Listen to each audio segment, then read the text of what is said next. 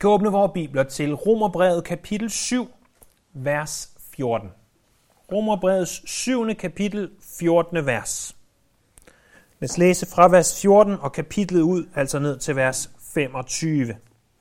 Vi ved, at loven er af ånd, men jeg er kød, solgt til at være under synden. Jeg forstår ikke mine handlinger. Det jeg vil, det gør jeg ikke. Og det jeg hader, det gør jeg. Men når jeg gør det, jeg ikke vil, giver jeg loven ret i, at den er god. Men så er det ikke længere mig, der handler, men synden, som bor i mig. Jeg ved, at i mig, altså i mit kød, bor der intet godt. Viljen har jeg, men udføre det gode, det kan jeg ikke. For det gode, som jeg vil, det gør jeg ikke. Men det onde, som jeg ikke vil, det gør jeg. Men når jeg gør det, jeg ikke vil, er det ikke længere mig, der handler, men synden, som bor i mig. Jeg finder altså den lov, at jeg, skønt jeg vil gøre det gode, kun evner det onde. For jeg glæder mig inderst inde over Guds lov, men jeg ser en anden lov i mine lemmer, og den ligger i strid med loven i mit sind, og holder mig som fange i syndens lov, som er i mine lemmer. Jeg elendige menneske. Hvem skal fri mig fra dette dødsens lame? Men Gud skal tak ved Jesus Kristus vor Herre. Med mit sind tjener jeg da Guds lov, men med kødet syndens lov. Tilbage i kapitel 6, vers 14, der så vi for snart meget længe siden udsagnet, I er ikke under loven, men under nåden. Et sådan udsagn, det vil uundgåeligt få os til at stille spørgsmålet, hvis vi ikke er under loven, men under nåden, hvad så med Guds lov? Har den ikke længere nogen betydning? Og det er det spørgsmål, som Paulus han forsøger, eller han rent faktisk besvarer i Romerbrevet kapitel 7. Vi har set i vers 1-6, at nogen de tager den legalistiske tilgang til ord og til loven. Øh, de siger, hvis jeg overholder loven, så bliver jeg frelst. Hvis jeg gør gode gerninger, så bliver jeg frelst. Øh, hvis jeg især tilføjer til Guds lov, så bliver jeg frelst. Øh, den legalistiske holdning er at sige, du må ikke, du må ikke, du skal, du skal, og det frelser mig. Det er en holdning. En anden holdning, det er, og nu skal I holde fast, det er et, et langt ord, det er den antinomistiske tilgang. Anti betyder imod, nomos, det græske ord for lov, imod loven. Det her er klart det største problem, vi har i den såkaldte kirke i dag. Det er den holdning, hvor man siger, loven har jeg intet med at gøre. Loven kan ikke bruges til noget som helst. Vi lever under den nye pagt, øh, som i øvrigt er et ord for lov, øh, men vi lever under den nye pagt, Moseloven, de 10 bud, ingen plads i vores liv, vi kan ikke bruge dem til noget, vi kan gøre, hvad vi vil, og samtidig være kristne. Det er adresseret i vers 7-13. Den tredje og sidste holdning, som jeg mener er den kristne holdning, det er, at den kristne elsker Guds lov, men indser, at han eller hun i sig selv umuligt kan overholde den. At han eller hun behøver Helligåndens kraft til at leve det liv, som er det kristne liv. Det er kapitel 7, vers 14-25. I dag, der påbegynder vi det her sidste afsnit. Øh, og jeg har indledningsvis nogle bemærkninger. Det er et af de mest omdiskuterede afsnit i hele Bibelen. Fordi det kan ses fra flere synsvinkler. Hvem er det, der er tale om her? Er det en, der ikke er kristen? Er det en såkaldt nyomvendt kristen? Eller er det den mere modne kristen? Altså med andre ord, når Paulus siger jeg, jeg, jeg, tænker han så på sig selv. Før Damaskusvejen, lige efter Damaskusvejen, eller tænker han på sig selv i det tidspunkt, øh, på det tidspunkt, han skriver det her i år 56-57 i det tidlige forår, som en moden kristen. Jeg er ganske overbevist om, og I kommer til at få alle grundene, at det her det taler om en moden kristen. At Paulus skriver, øh, på det tidspunkt, han befinder sig i sit kristne liv, år 56-57, og siger, det her er min oplevelse her til morgen. Den modne kristne kæmper stadig med kødet. Og det er det, som vi skal bruge, ikke bare i dag, men de næste par søndage på at se på. Det her bliver en miniserie i den større serie. Det bliver en miniserie om den kristnes kamp imod kødet. Ud fra de her vers 14-25. Som I måske også har erfaret, så har vi haft taget en lille pause fra Romerbrevet. Øh, det er der flere grunde til, men en af dem er, at jeg vidste, at jeg var nødt til at studere alle versene 14-25, før at jeg kunne begynde at udlægge det her. Før jeg kunne begynde at forklare jer om den kristnes kamp imod kødet. Og det er hurtigere at studere to vers til en søndag, end det er at tage øh, adskillige vers, i det her tilfælde over 10 vers, og have en fornemmelse af, hvad de alle sammen siger, og have sine punkter, øh, i, i hvert fald i punktform, om hvad der skal siges de næste par søndage. Så derfor, blandt andet, har vi også haft taget en pause fra Romerbrevet. Og vi er nødt til at angribe det her på en lille smule anderledes måde, end hvad vi normalt gør. Normalt siger vi, i vers 12 og 13 står der sådan her, og så tager vi kun vers 12 og 13, og det er det. Nu er vi nødt til at sige, at i vers 14 til 25 står der alt det her. Og så samler jeg det sammen, og giver jer afskillige punkter, 5, 6, 7, 8 punkter, hvad det nu bliver til, om vores kamp imod kødet.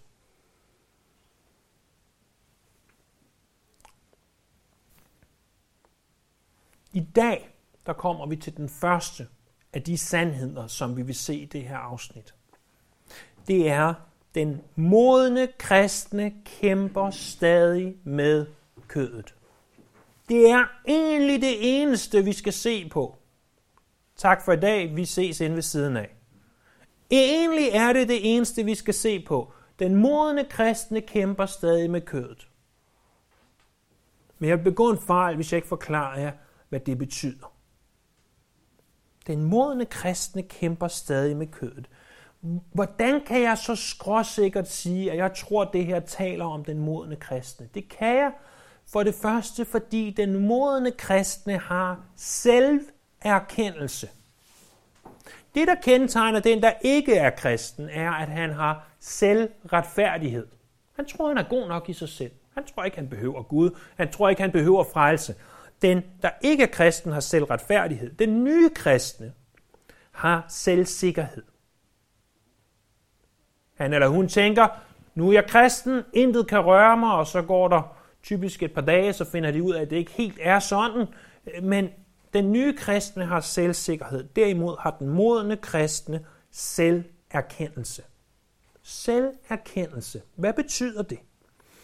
Lad os prøve at se igennem Bibelen. Salme 51, vers 5. Og der bliver en del forskellige bibelvers i dag. Slå dem op, som I, I mener, og så det må jeg sige, I skal slå dem op, der bør I gøre det. Men, men salme 51, vers 5 står der, Jeg kender mine overtrædelser, og min synd har jeg altid for øje. Jeg kender mine overtrædelser, og min synd har jeg altid for øje. Det må da være et forfærdeligt menneske, der siger sådan. Det, det må da være en stor synder, en der ikke er Guds mand. Men prøv at se et par linjer højere op. For korlederen, salme af David, dengang profeten Nathan kom til ham, fordi David havde været sammen med Bathsheba. Vil nogen af os påstå, at på det tidspunkt i Davids liv, som var hen imod slutningen af hans liv, at David ikke var en gudsmand, at David ikke var en mand efter Guds eget hjerte, og at David sønder med Batseba, får dræbt Urias, men også bekender, jeg kender mine overtrædelser, min synd har jeg altid for øje. David vidste godt, han var en sønder. Prøv så at se i salme 97, vers 10.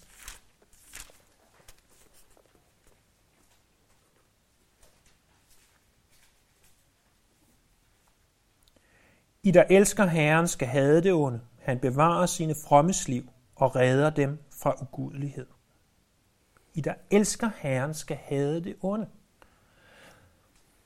Den modne kristne har en selverkendelse. Han ved, at det, der er noget, der er ondt, og han ved, det er noget, han skal have. Så i ordsprogene kapitel 8, vers 13, jeg sagde, der var mange vers, at frygte Herren er at have det onde, hovmod, stolthed, ond adfærd og svigfuld tale hader jeg. Den modne kristne hader det her. Så prøv at se et, jeg mener, der umiddelbart slår hovedet på sømmen. Lukas kapitel 18, vers 13.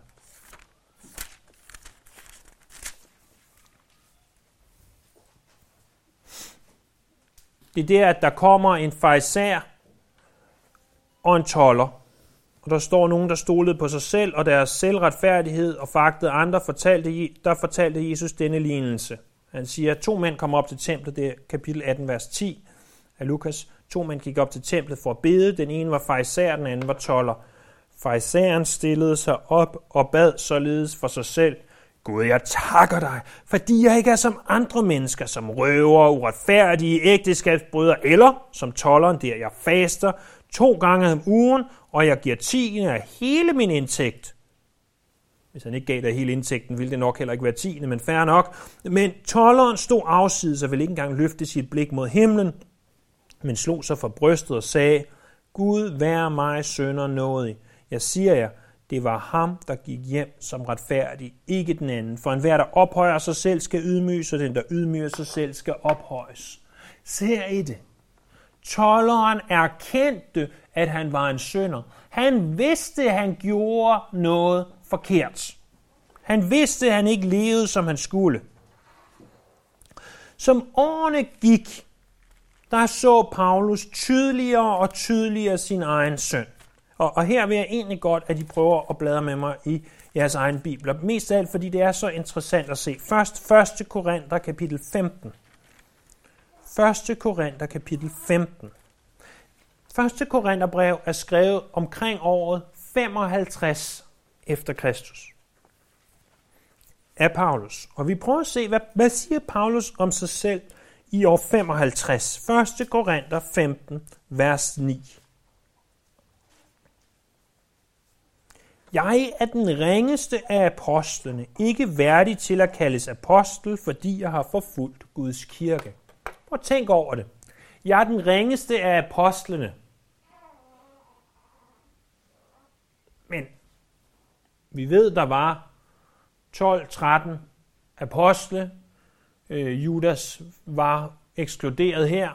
Øhm, øh, og Paulus siger så, jeg er den ringeste blandt de her 13, øh, 12 stykker øh, helt fantastiske gudsmænd, som har vandret med Jesus og, og gjort alle de her fantastiske ting. Øh, det er jo ikke, det er jo ikke fordi, at det er en forfærdelig ting at være den ringeste blandt apostlene. Der, der findes værre ting. Men så prøv at se i Efeserbrevet kapitel 3, vers 8. Nu er der gået 5-7 år. Efeserbrevet kapitel 3, vers 8. Husk, at i år 55 siger han, jeg er den ringeste af apostlene. Nu, syv år senere, fem-syv år senere, da han skriver brevet til Efeserne, siger han i kapitel 3, vers 8, jeg er den ringeste af alle de hellige. Okay, vi udvider cirklen. Nu er han ikke bare den ringeste blandt den her lille, eksklusive cirkel af apostle på 13 mennesker. Nu er han den ringeste af alle kristne. Og så ser vi så i slutligt i 1. Timotius 1.15. 1. Timotius 1.15. Hans første brev til Timotius, kapitel 1, vers 15, som er skrevet et par år efter Efeserbrevet. Der siger han, troværdigt er det ord og al modtagelse værd, for Kristus kom til verden for at frelse syndere, og af dem er jeg den største. Kan I se det? Først har vi apostlene. Jeg er den mindste af dem. Jeg er den mindste blandt alle de hellige. Nu er jeg den øh, mindste eller den værste af alle syndere, der eksisterer. Det vil sige af alle mennesker. Hvad sker der? Bliver Paulus gradvist et, en større og større synder? Bliver han værre og værre og gør forfærdelige ting? Eller at det, der sker, er, at han ser sig selv klarere og forstår tydeligere, hvem han er. Jeg tror helt sikkert, det er det sidste. Så prøv at finde tilbage til Romerbrevet, kapitel 7. For prøv at se, hvad han siger om sig selv i Romerbrevet kapitel 7, vers 14. Vi ved, at loven er ånd, men jeg er kød, solgt til at være under synden. Og så i vers 18, jeg ved, at i mig, altså i mit kød, der bor der intet godt. Viljen har jeg, men udføre det gode kan jeg ikke. Og i vers 21, jeg finder altså den lov, at skønt jeg vil gøre det gode, kun evner det onde. Den person, der taler her, ønsker at leve efter Guds lov, men han evner det ikke i sig selv. Han indser og har selverkendelse nok til at sige, jamen, selvom jeg er en kristen, så synder jeg stadig. Faktisk i Paulus' tilfælde indså han, at jo længere tid han havde vandret med Herren, jo mere, desto mere føltes det, som om han syndede. Men det var ikke det, der var tilfældet. Tilfældet var snarere, at han blot så klarere. For den kristne har selverkendelse. Og selverkendelsen er en indikator på, om du er en kristen eller ej, og om du er en moden kristen eller ej. Fordi den, der ikke er født på ny, er jo selvretfærdig. Den, der lige er blevet kristen, er temmelig selvsikker og siger, at det går meget godt. Den modne kristne, for hver dag, der går, forstår mere og mere, at han eller hun behøver Jesus.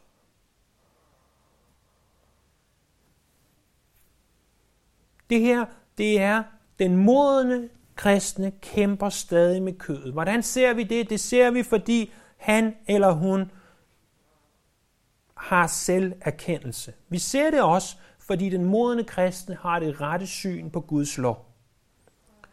Prøv igen i Romerbrevet kapitel 7, vers 14.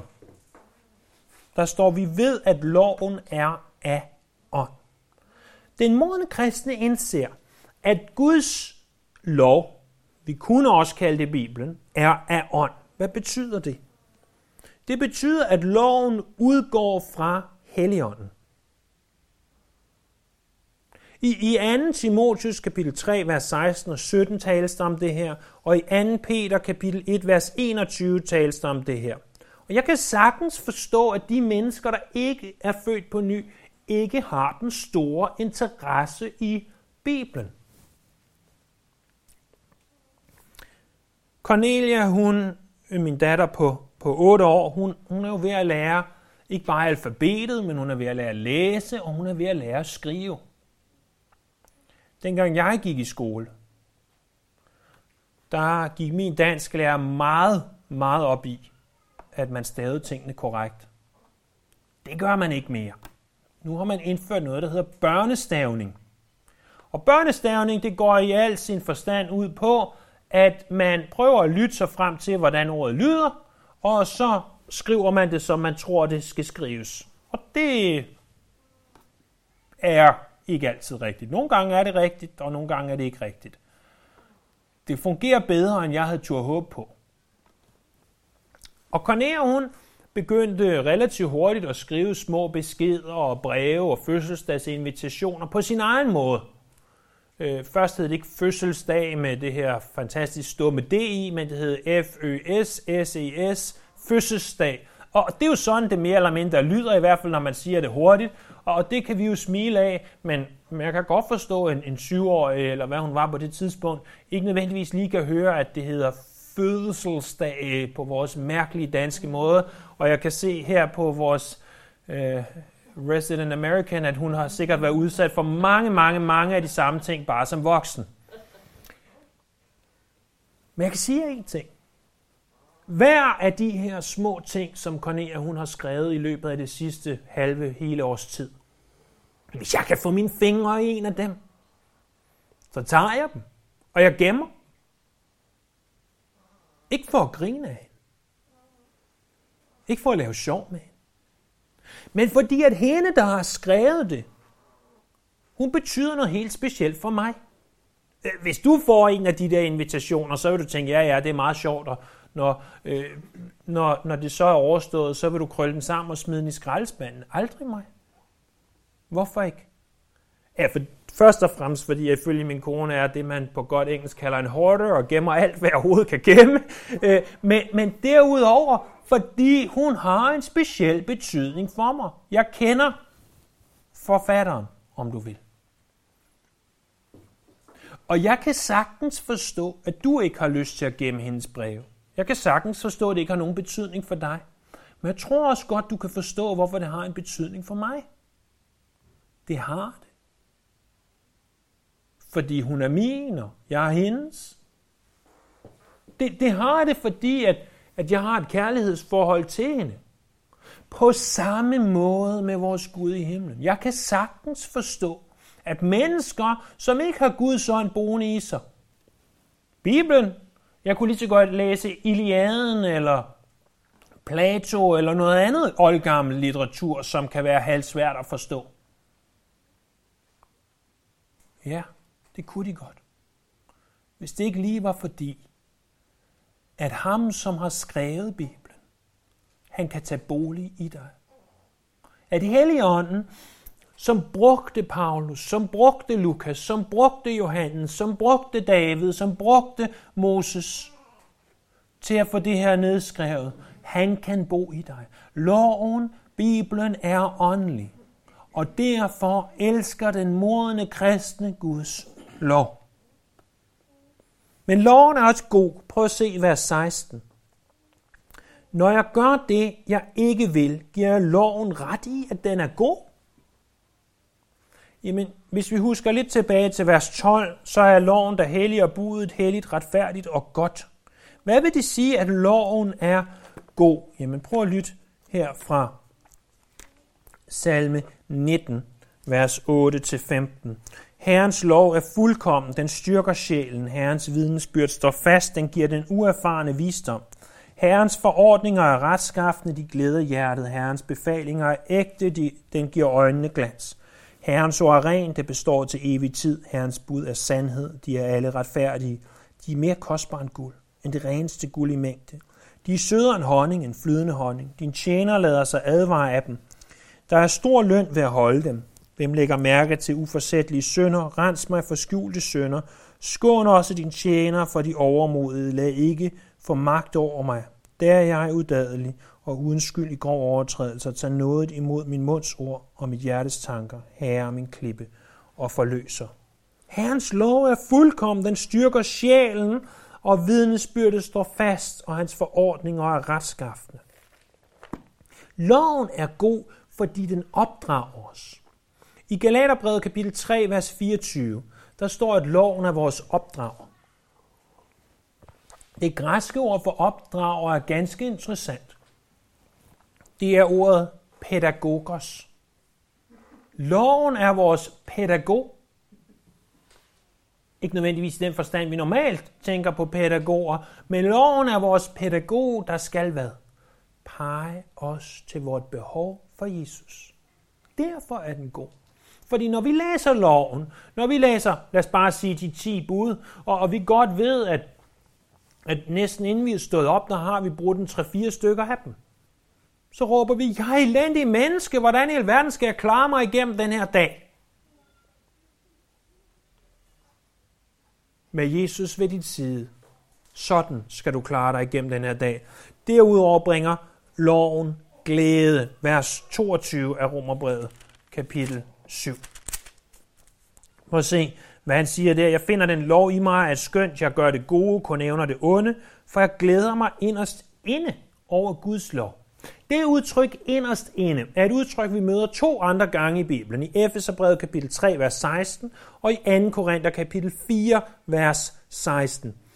Det er et udtryk der betyder i din i det indre menneske, som er født på ny.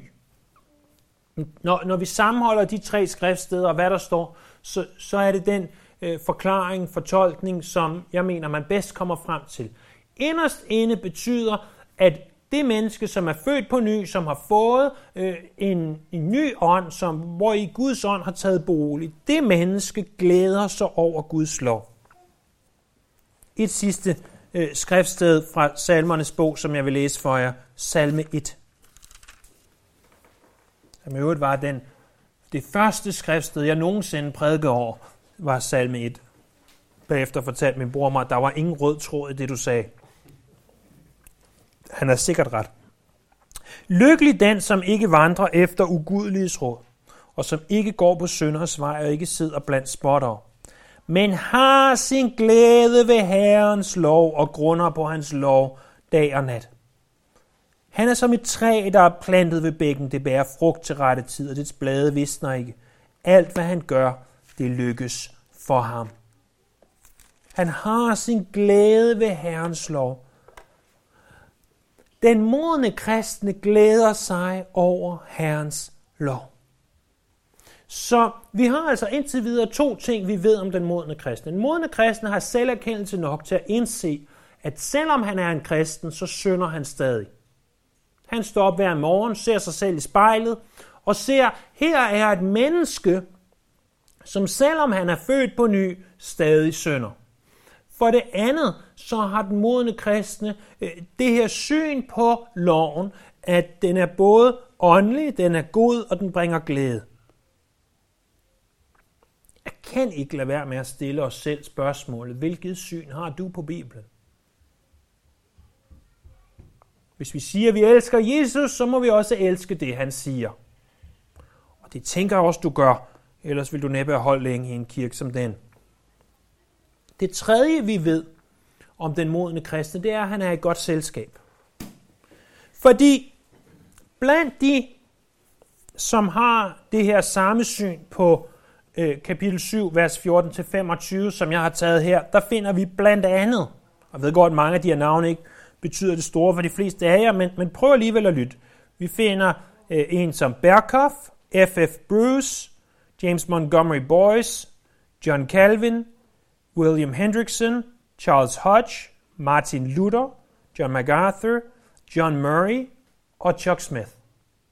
Vi, vi tager hele den her brede kamp af folk og siger, at de har det syn, at det her må og skal være den modne kristne, der stadigvæk synder, men som har behov for Jesus i det daglige liv for at vandre og gennemføre det kristne liv. Derudover så er det ikke noget, vi øh, praktiserer øh, og bruger voldsomt meget, men interessant nok tager både den vestminst, øh, vestminsterske, det er et meget langt ord, belgiske og heidelbergske katekismer. Altså de her øh, lærer øh, værktøjer, de tager den holdning, de her tre store læreværktøjer, som, som man brugte i under reformationen. Og det er jo ikke fordi, nødvendigvis fordi, at nogen har sagt noget i kirkehistorien, at det så er rigtigt. Øh, men der er altså en rigtig god indikator, hvis du kan stille en række af mænd som de her op, der siger en ting, så kan vi med relativt stor sandsynlighed og sikkerhed sige, så er vi ikke fuldstændig på vildspor. Og, og vi må tro, at det er rigtigt, at den modne kristen stadigvæk synder.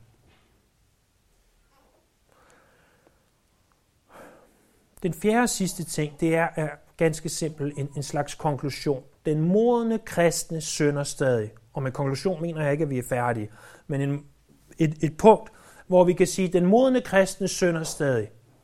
Fordi hvis der nogensinde var en kristen, der havde potentialet til at leve i syndfrihed, hvem var det så? Så var det da Paulus. 13 ud af 27 nytestamentlige bøger, øh, kendt øh, i hele kirken, først frygtet, så kendt en voldsom omvendelse. Øh, hvis der nogensinde var en person, der kunne have sagt, jeg lever det syndfrie liv, så var det da personen, der sagde, følg mig, som jeg følger Kristus. Men er det ikke sandt, at han i Filipperbrevet kapitel 3, vers 12, samtidig siger, jeg har ikke nået målet endnu. Jeg stræber imod målet. Jeg vil gerne derhen, men jeg er der ikke endnu. Og derfor tror jeg også, at i det her afsnit 14-25, at han over 30 gange henviser til sig selv som enten jeg i særdeleshed, og en smule også til mig. Han siger jeg, jeg, jeg, jeg, mig, jeg, mig, mig, mig, jeg, jeg, jeg, jeg. Hvis han godt vil have os til at tro noget andet, så burde han nok have skrevet mig en gang, eller før jeg blev kristen. Og jeg ved godt, det er omdiskuteret, det her afsnit. Jeg ved godt, at andre store kristne mænd har sagt noget andet. E, og, og sådan er det med omdiskuteret afsnit. Der vil du finde forskellige holdninger. Men, men jeg står altså fast på, at det her taler om, at den modne kristne sønder altså stadig. Og, og for at slå det fast, så prøv lige et sidste skriftsted, som I gerne må slå op. 1. Johannes brev, kapitel 1, vers 8. Hvis I ikke fik andet ud af i dag, så fik jeg da muligheden for at slå op i jeres bibler. 1. Johannes kapitel 1, vers 8. Det her er så essentielt, så vigtigt. Johannes, han skriver, Hvis vi siger, at vi ikke har synd, så fører vi os selv på vildspor, og sandheden er ikke i os. Med andre ord, hvis du siger, at jeg lever det syndfrie kristne liv, så som Spurgeon sagde, da nogen kom til ham og sagde det, og han tror, jeg næsten kastede et glas vand i hovedet på dem, og de så spurgte, hvorfor han gjorde det, da de blev voldsomt sure og sagde, der kan du se, du tager fejl. Fordi vi lever ikke det syndfrie kristne liv. Det kan ikke lade sig gøre. Hvis vi siger, at vi ikke har synd, så fører vi os selv på vildspor, og sandheden er ikke i os. Den modne kristne erkender, at han eller hun stadig synder. Hvad så? Hvad kan vi lære af alt det her? Hvad kan vi lære af, at den modne kristne stadig synder? For mig, der er først og fremmest en opmundring. En opmundring. Hvordan? Jamen fordi selv som kristne bliver vi ved med at synde, selv når vi har vandret mange år med Herren. Og, og på, på sin vis er det uforståeligt, at det er sådan. Hvorfor gør Gud os ikke bare syndfri i det, han føder os på ny? Og det er jo netop det, vi prøver på at opnå en forståelse af nu og de næste par søndage. Hvorfor er det sådan her? Hvorfor skal det være sådan her? Hvis du vil have svaret, før det kommer, så tror jeg på, det er fordi, du må blive ved med at se din afhængighed af Jesus. For du ikke skal blive selvretfærdig. For du ikke skal tro pludselig, at du er nok i dig selv. Den dag, du blev født på ny, var det ikke afhængigt af dig, det var afhængigt af Gud. Men i dag, marts, det herrens år 2022, afhænger det stadig ikke af dig. Det afhænger stadig af ham. Det er uforståeligt, men, men det bliver altså også en opmundring. Når Paulus siger sådan her, når Johannes skriver det, han gør i sit første brev, og når alle de her mere eller mindre fornemme teologer, som nævnt tidligere, erkender, at de som modne kristne rent faktisk stadigvæk synder og kæmper med kødet.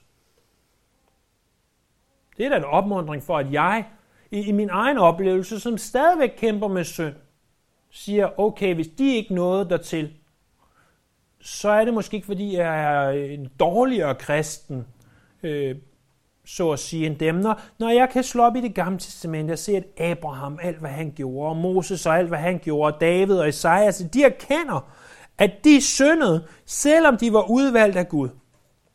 Så er det jo ikke så mærkeligt, at hver morgen, når jeg står op, så kæmper jeg stadig med kødet. At du som kristen stadig synder, gør dig ikke til en dårlig kristen. Det er dit syn på den synd, der må afgøre, om du egentlig er en kristen eller ej. For ting jeg for 5, 10, 15, 20 år siden så som ubetydeligt, ser jeg måske i dag, efter at have vandret med Herren i forskellige år, som en stor synd. Tænk, at dengang tænkte, at det går nok. Det tænker jeg i dag. Det går slet ikke. Væmmes du i dag ved ting, som du for 5, 10, 15 år siden tænkte, det går nok, så er det en opmuntrende indikator på, at du rent faktisk vandrer med Herren. Faktisk så føles det næsten som om, at jeg som årene er gået, er blevet et værre menneske, en dårligere kristen. Objektivt, hvis jeg kunne se det objektivt, i hvert fald når jeg ser på jer, så tænker jeg ikke, at det er et tilfælde. Det, der er tilfældet, er, at jeg ser meget klarere nu, end jeg gjorde for 5, 10, 15, 20 år siden. Og jeg ser mig selv klare, lidt ligesom Paulus siger først, at ah, jeg er den værste af apostlen, jeg er den værste af alle de hellige, når jeg er faktisk nok den værste af alle. Jeg tror ikke på, at hvis du stillede Paulus op ved siden af alle, at du så ikke kunne finde nogen, der gjorde værre ting end ham. Du kan gøre værre ting end at rejse verden tynd for at forkynde evangeliet. Det, det kan du altså godt. Jeg ved godt, at han blev smidt i fængsel en del gange og, og alt det her, men det var jo sådan set for at fortælle andre om Jesus. Og, og objektivt set tvivler jeg på, at Paulus havde været den værste af alle, men for ham, fordi han så klarere, så var det sådan, han følte sig. Og hvis du sidder i dag og føler, at oh, mit liv er fyldt med forfærdeligheder, hvis pastoren vidste, hvad jeg gjorde og tænkte, hvis min sidemand vidste, hvad jeg gjorde og tænkte, så er det ikke sikkert, at jeg overhovedet vil være velkommen her.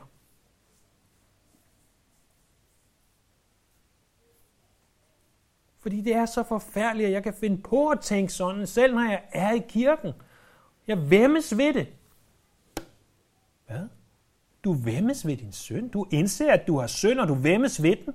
Hvilken fantastisk indikator på, at du rent faktisk er en kristen. Gå ud på gaden, find en mand, der ikke kender Gud, og sig, vemmes du ved din søn? De vil bare stå og glo åndssvagt på dig. Sig, væmmes, vemmes, hvad betyder det, og hvad betyder synd, og hvad? Nej, jeg har det godt. Jeg er fri, jeg gør som jeg vil, ingen skal bestemme over mig.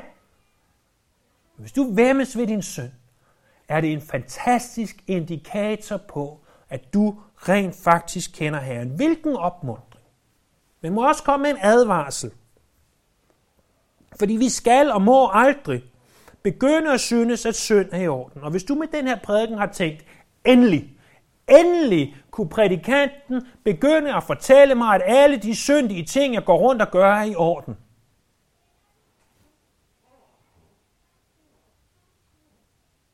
Jeg har godt hørt en gang, man ikke må lyve. Jeg lyver konstant, og jeg har egentlig haft lidt halvdårligt samvittighed over det, men nu har jeg fået at vide, det er helt fint. Lyv som stærk som 10 heste kan rende. Endelig kan jeg gå tilbage til min gamle levevej. Endelig kan jeg gøre alle de ting, som jeg godt ved, øh, måske lidt mere objektivt set, øh, når man kommer i en kirke i længere tid, er forkert, men jeg har det ikke dårligt med det. Nu kan jeg gøre det med god samvittighed. Vel kan du have. Hvis du tror, du kan sønde med god samvittighed, så er det, fordi din samvittighed er ødelagt. Så er det, fordi at Guds ånd ikke har taget bolig i dig endnu. Og så har du brug for at blive født på ny. Det er min pligt som prædikant at understrege, at vi kan aldrig behages i at synde, men vi kan erkende, at det sker, og vide, at når det sker, at vi kan bede om tilgivelse, komme til Gud og råbe til Jesus, sige, Jesus, udfri mig for det her. Jeg ved godt, jeg ikke kan klare det. Hjælp mig også i dag. Hjælp mig til det. Hjælp mig til det. Hjælp mig til det. Jeg vil også gerne komme her til sidst med en opfordring.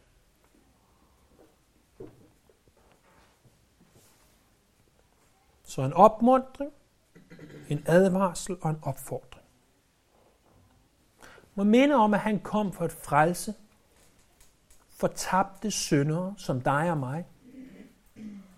Han kom for at tage de til sig, der som tolleren slår sig til brystet og siger, jeg er ikke værdig. Jeg ved godt, jeg ved det godt, at jeg ikke gør det godt nok. Det er dem, han kom for. Han kom for at helbrede de, som indser, at de er syge. Han kom for at tage de til sig, som indser, at de har et behov for Jesus når vi beder, når vi taler om ham, så kalder vi ham så tit frelseren. Åh, du ved underlige frelser, siger vi. Men har vi tænkt over, hvad det egentlig betyder? Hvorfor kalder vi ham frelseren? Det er fordi, han frelser os fra noget. Den engelske Bishop Ryle, J.C. Ryle, og i øvrigt enhver bog, du kan finde af J.C. Ryle, køb den, læs den og læs den gerne igen.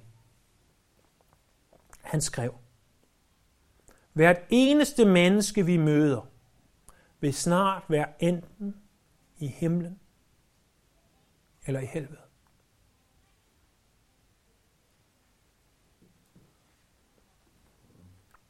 Tænk så, hvor mange af de mennesker, vi hver eneste dag er i kontakt med på arbejde, med naboer, i skole, i børnehaver og alt muligt andet. Hver en af de mennesker kan hver eneste dag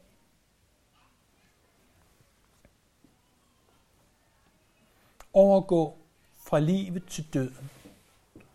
Fra her til enten himlen eller helvede. Noget af det sidste, som Jesus gjorde, inden han tog tilbage til himlen, det var, at han sagde til disciplene, nu skal I bygge en kæmpe organisation. Og I skal sørge for, at der er paver og biskopper og kardinaler og præster, og det skal være rimelig besværligt at komme ind i den. Og I skal sørge for at samle så mange penge sammen, så I kan bygge store katedraler. Der står i Matthæus kapitel 29. Kapitel, der ikke eksisterer. Men et kapitel tilbage, der står det, han rent faktisk sagde. Og hvis nogen skulle være i tvivl, nej, det sagde han aldrig. Han sagde aldrig alt det. Til gengæld så sagde han, som det sidste, inden han tog tilbage til himlen, så sagde han, prøv at høre, venner. Prøv at høre, disciple. Det her skal være jeres fokus. I skal gå ud i al verden, og så skal I forkynde evangeliet, og så skal I gøre dem til disciple. Så skal de lære, hvad det vil sige at være kristen. Vi har en befaling for vores øverst befalende til at gå ud i verden og fortælle mennesker om Jesus.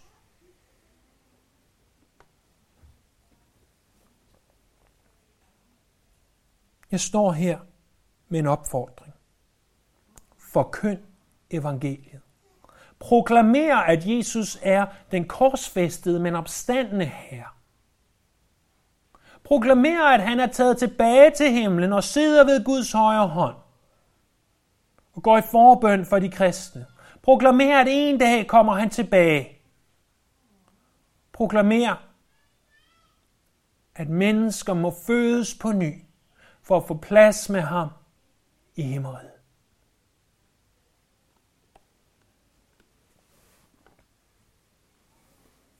Proklamer, at selvom du er en moden kristen, så vil du stadigvæk synde. Men hvad er dit syn på den synd? Vemmes du ved den synd? Eller synes du, det er da bare fint? Hver af os må først og fremmest se ind i os selv og sige, hvor er mit hjerte i det her? Hvor er jeg?